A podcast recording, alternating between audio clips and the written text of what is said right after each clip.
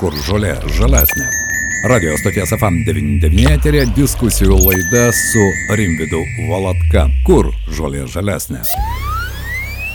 Sveiki, bičiuliai, Rimtas Valatka mūsų studijoje. Rimvidai, laba diena. Sveiki, Liudai. Na, iš tikrųjų, praėjo ta gegužės 9 diena, štai Lietuvos rajone Zizienuose ant kelio liko dvi raudonas Z raidės, bet ko gero visas pasaulis, bent jau taip sprendžiant iš žiniasklaidos, nuogastavimų laukia stebuklo. Nežinau, kokio stebuklo tikėjosi visas pasaulis iš vakar dienos Kremliaus raudonosios aikštės. Jūs nebejoju stebėjote viską, nes stebite absoliučiai viską, kas dabar darosi pasaulyje. Ir koks jūsų pirmas įspūdis buvo? Nes atvirai galiu pasakyti, mano pirmas įspūdis pamačius Rusijos vadovo vieną nuotrauką labai toks paprastas ir konkretus - senas pavargęs žmogus sena pavargusi žiūrkė, ypač kai tarptų senų e, geležukais apkabinėtų bičių sėdi žmogelis su pledu, vienas su pledu, o kiti be pledu. Tai iš tiesų, e, na, vaizdas kraupus apskritai tiek kalba, tiek pats paradas buvo pralaimėtojų paradas, buvo pralaimėjimo paradas, nesuprantu, kam renkti pralaimėjimo paradus, bet matyt, rusams be paradų daugiau jau nieko šitam gyvenime nebeliko. Ir turbūt mažiausiai mes turėtume rūpintis rusais. Mes, o pirmiausia, mūsų žurnalistai turėtų pasižiūrėti, kokių blėnių jie prirašė per paskutinės dešimt dienų prieš tą gegužės devintąją.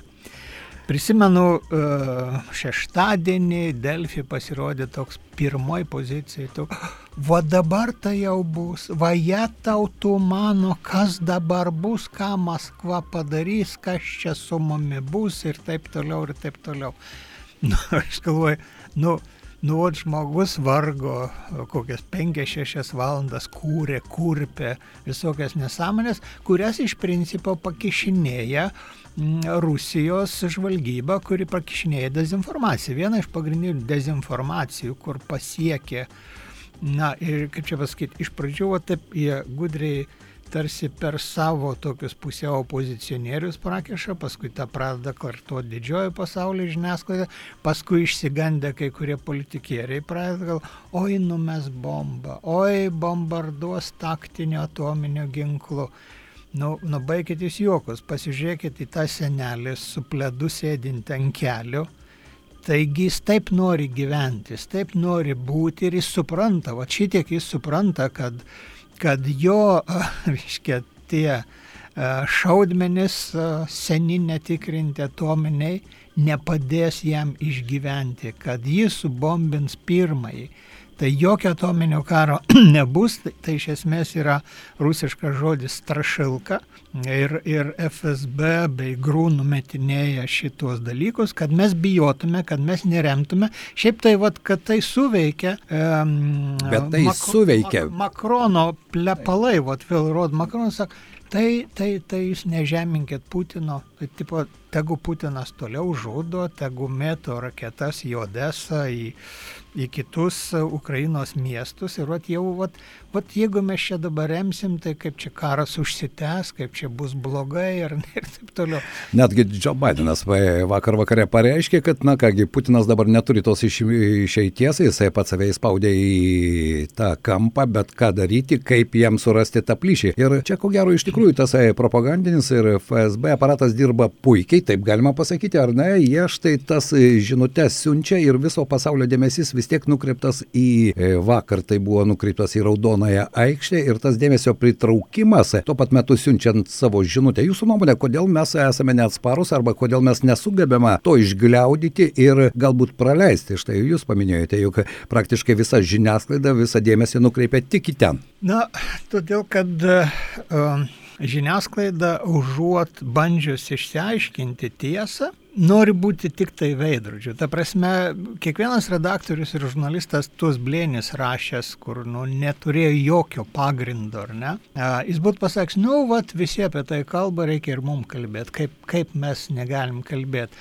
Tai iš principo su, e, tokie pasiteisinimai yra rutina, ar ne? Aš ateinu į darbą, e, akis traškanotos, atidarau kompą, ką čia parašius, a, CNN rodo tą, BBC rodo tą, aš irgi parodysiu tą patį. Tai, tai rodo, kiek mažai pas mus vakaruose yra kūrybiškai mąstančių, origin, originaliai mąstančių žmonių.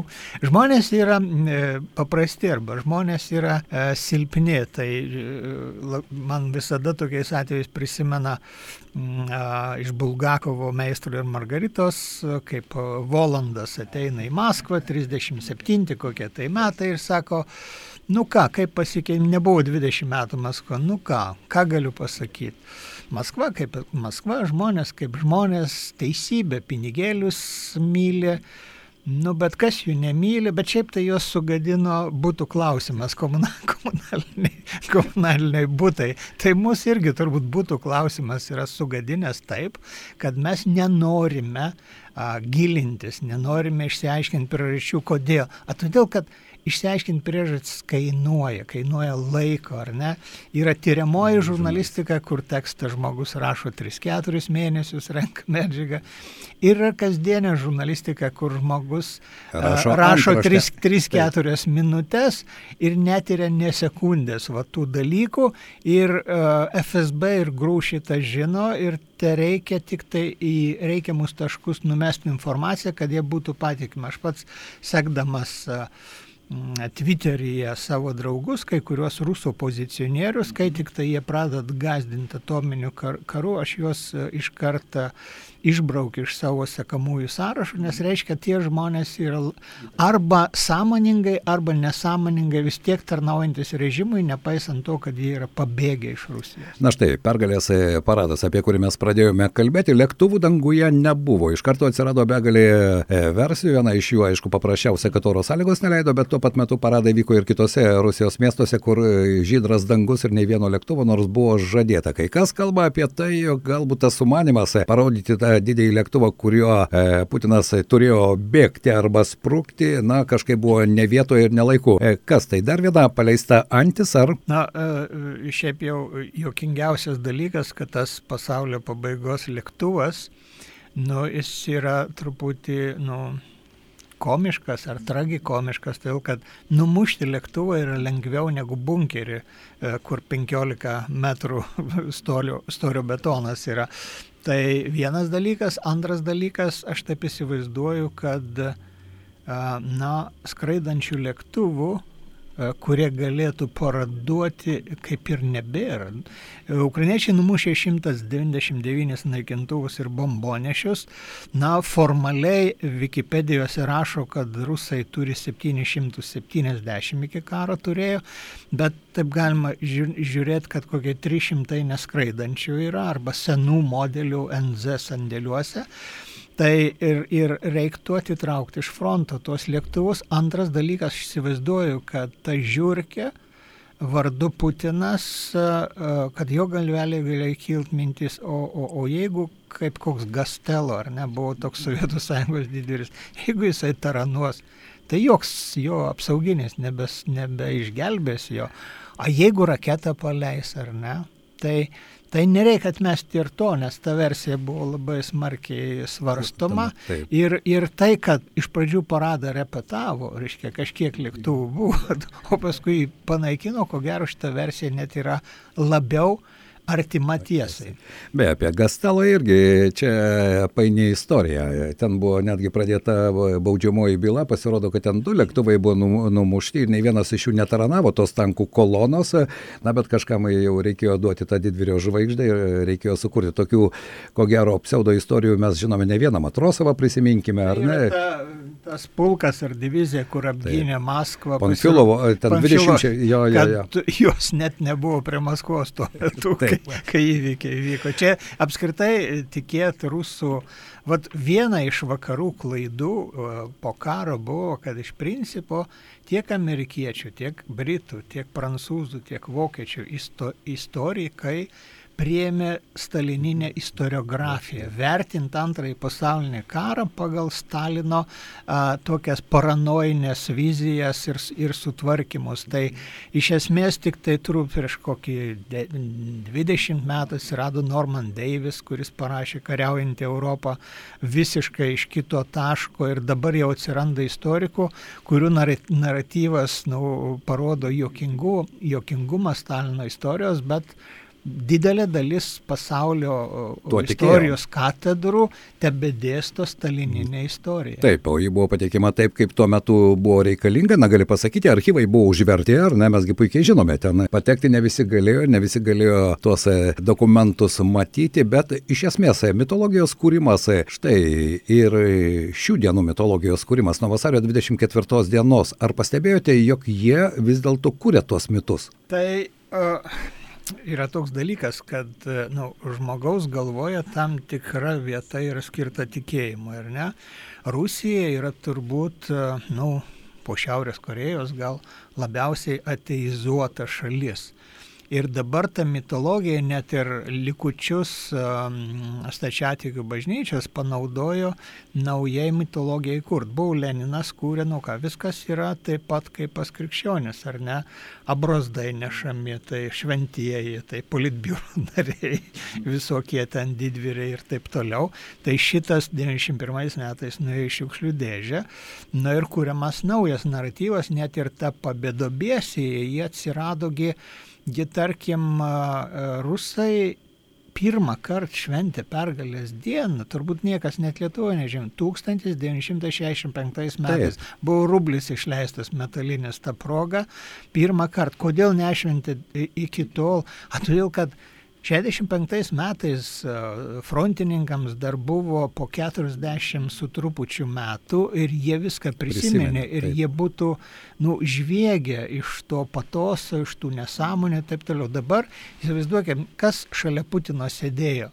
Nu taip, pagal kiek aš išmanau fizionomijas, tai arba šitie žmonės vartojo kokius tai ženšenius ypatingus, arba jiems yra kur tai tarp 70 ir 90 metų. Tai Taip. ne vienas iš jų nėra kariavęs. Taip. Tai, ap, reiškia, ir apkarstyti geležais jie vaidina tą mitą, kad va čia yra veteranai, nu tų veteranų dar yra likę vienas kitas. Bet jų tikrai bet jie, yra, yra... jie iš esmės yra šimtamečiai arba Taip. kandidatai į šimtamečius. Tai, tai aišku, palaikomas tas mitas, kuriamas, reiškia, lopšeliai, vaikų vežimėliai, karinę uniformą, vaikai su karinė uniforma. Tai e, mačiau vieną nuotrauką kažkokiam Zasranske.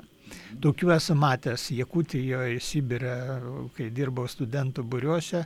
Tai visi ten miestai yra tokie e, e, kelias, duobė ant duobės toks, net nežviruotas, o šiaip kelias.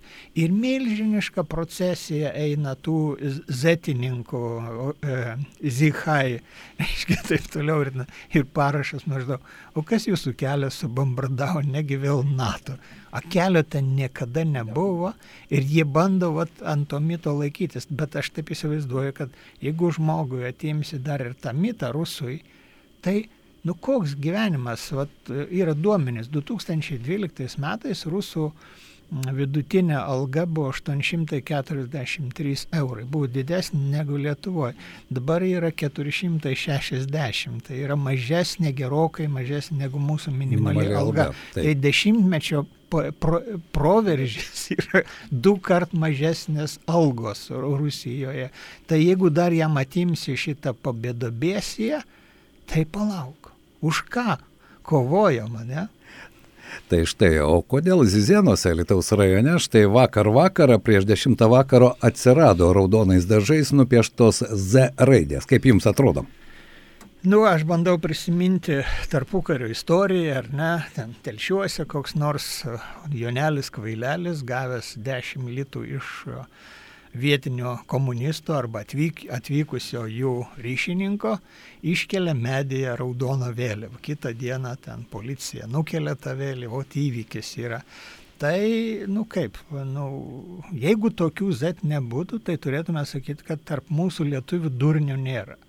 Vat ta Z raidė rodo, kad durnių turėjom prieš karą, jų netgi buvo daugiau negu dabar, durnių turim ir dabar, ir turbūt mažiausias klausimas turėtų, mažiausiai mus turėtų dominti klausimas, ar tas durnius yra iš prigimties durnas, ar, ar jis e, už pinigus durnas yra. Tai, Tai bet kad tokių yra ir kad iš tokių galima tik tai, nu, kaip pasijuokti, tai yra dar geresnį vakar kažkokia moteriškė nuvažiavo pas Lukašenką ir trašų prašė mažesniais kiekiais ir taip toliau nuo savo lyderio Paleckio linkėjimus perdavė ir taip toliau. Nu yra, visose tautose yra durnių. Tai belieka prisiminti Sigito Gėdos dzūko žodžius pasakytus per trečiąjį mitingą 88 Vingio parke, sakė, dideliai tautoj ir durnių yra daugiau. Na kągi, nesame labai didelė tauta, bet tikėkime, kad jų nėra tiek daug, kur žolė žalesnė. Diskusijų laida su Rimvidu Valatka. Dar vienas e, klausimas, Rimvidai, norėčiau su jumis. E, štai jau antrą savaitę, jeigu neklystu, nuo praėjusios savaitės e, pradžios ES svarsto tą šeštąjį ES sankcijų paketą. Niekaip mes negalime ar ne jo priimti, vengrai spardosi, na ne tik vengrai. Na štai šiandien Prancūzijos Europos reikalų ministras Klemanas Bonas pareiškė, kad galbūt šią savaitę pavyks vis dėlto susitarti, kad iki metų pabaigos tas embargo vis dėlto įsigaliotų. Jūsų nuomonė, liktai kvailių ten nėra, ar ne? Aš puikiai suprantu Orbano poziciją, bet kodėl štai šis šeštasis paketas, penktasis buvo palyginti greitai priimtas, o šeštasis stringa. Aš suprantu, kad dujos ir nafta tai yra na, gyvybiškai svarbios visai Europai, bet ar tai yra giluminių dalykų, ar vis dėlto čia dėl detalių dabar yra deramasi? Čia, čia yra turbūt e, klausimas, kaip toli FSB ir GRU yra prasiskverbusi į Europos politinius elitus. Ir rytų Europoje, tarkim, Vengrija ar ne, mm, tai prasiskverbus yra kai kur taip toli ir taip aukštai, kad e, kartais geriau turbūt apie tai negalvoti. Vengrų labiausiai gaila ir, bet vėlgi suprantama, 56 metais, kai mm, rusų kariuomenė e, sutriuškino vengrų sukilimą, iš Vengrijos pasitraukė 2 milijonai žmonių. Tai yra pačių geriausių, pačių geriausių, o prieš tai a, komunistai nužudė šimtus tūkstančių žmonių.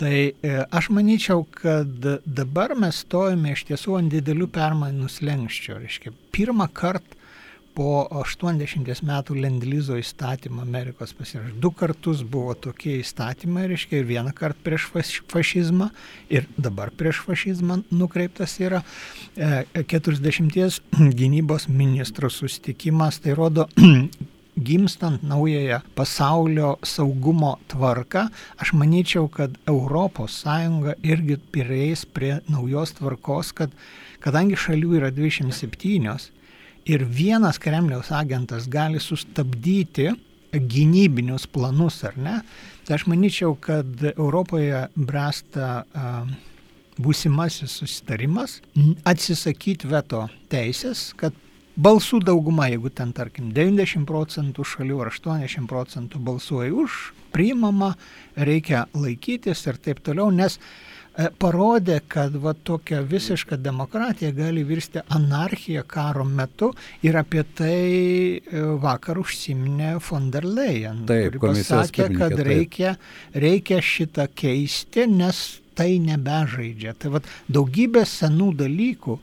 Putinas suardė senąją e, saugumo sistemą Europoje ir dabar Europoje iškyla uždavinys sukurti naują sistemą be Putino prieš Putiną ir prieš Rusiją apskritai. Ir aš manyčiau, kad, nu, norėčiau tikėti, kad per kokius metus Europą Pavyks eliminuos padaryti. va tuos agentėlius, kurie, kurie šoka kaip dabar. Nes naftą pakeisti yra daug lengviau negu dujas. dujas. Taip, be jokios abejonės. Ir, na, tikėkime, kad iki savaitės pabaigos vis dėlto tas sprendimas bus priimtas. Dar vienas klausimas, tai yra Suomija ir Švedija, be jokios abejonės. Štai Ramštinė tada buvo susirinkę 40 valstybių. Jeigu aš neklystu, antihitlerinė koalicija buvo sudaryta iš 43 valstybių, tai nedaug trūksta.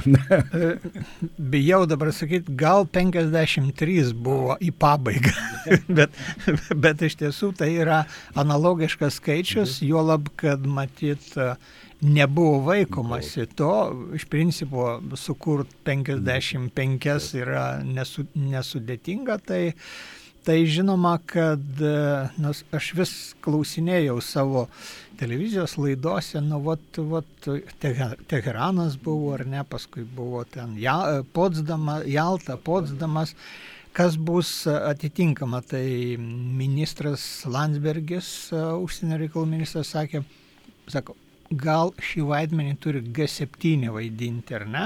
Nu ir po to atsitiko 40 ministrų, tai iš principo kūrėsi, va, Ramšteinas galbūt yra Teherano atitikmuo, jeigu pagal antrąjį pasaulinį karą e, lygiuotume viską, tai sakyčiau, kad bus ir, ir Potsdamo, ir Jaltos atitikmenis. Bus Nürnbergas, kaip jums atrodo?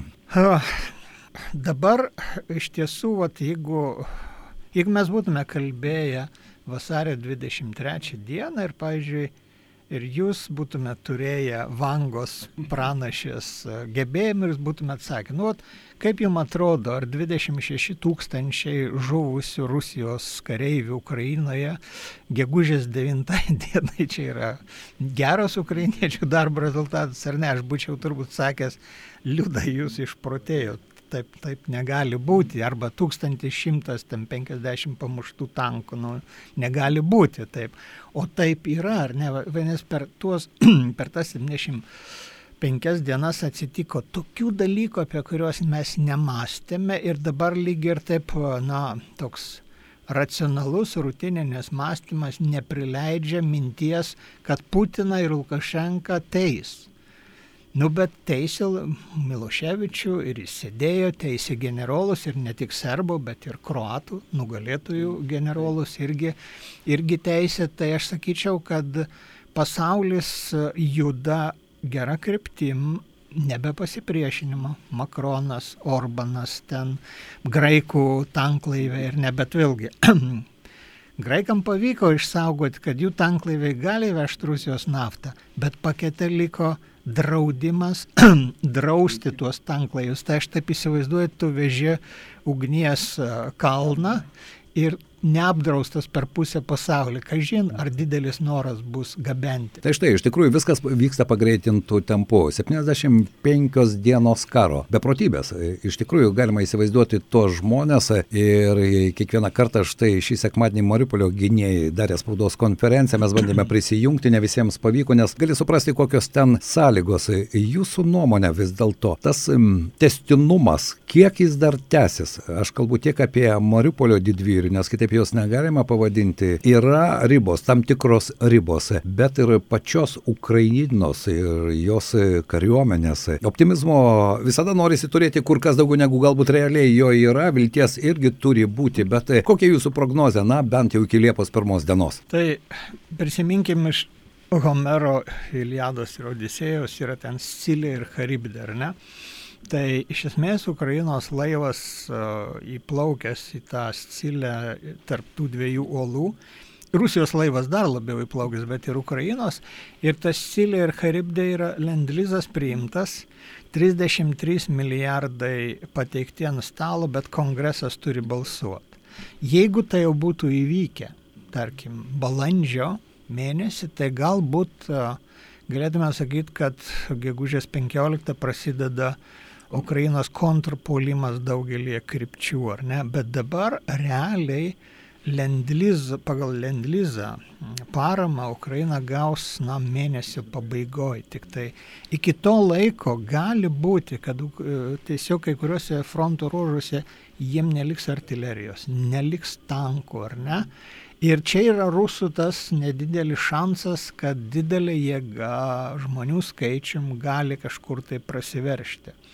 Nu, nelabai tuo tikiu, bet tokia galimybė kare visada yra klaida, dar kas nors ir, ir panašiai. Tai realiai panašiai kaip pirmam karo dienom sakiau, na jeigu atsilaikys savaitę, šansai jau yra. Po savaitės, sakau, jeigu dar dvi savaitės, karas kryps visai kitą pusę. Taip ir dabar. Jeigu ukrainiečiai sulauks pilno lendlizo, tarkim, tankais, artilerija, naikintuvais, ir nebus praradę turėtų pozicijų, liks yra kur dabar, tai aš sakyčiau, kad uh, rusams tada reikia gerus sportbačius įsitaisyti. Mobilizacija bus ar ne? Rusijoje aš turiu omeny visuotinę mobilizaciją, apie tai irgi vakar visi purkštavo, bus, nebus, e, bet to nebuvo, bet ar bus jie ateityje? Tai žinant, e, kad pastaruosius 32 metus Rusijoje visi vyrai jau netarnavo kariuomeniai, tai skelbti visuotinę mobilizaciją yra absoliuti kvailystė. Tu visus savo šalininkus nuteiki prieš save, o kokia nauda iš to, kad kokį nors, nežinau, ten duobiuką sėja, tu paimsi ir pasodinsi prie raketinio komplekso valdymo. Ta prasme, Sovietų sąjungoje, kai visi vyrai buvo tarnavę, tai tarp tų, reiškia, kažkiek jie buvo išmokyti tam tikrose vietose kariauti.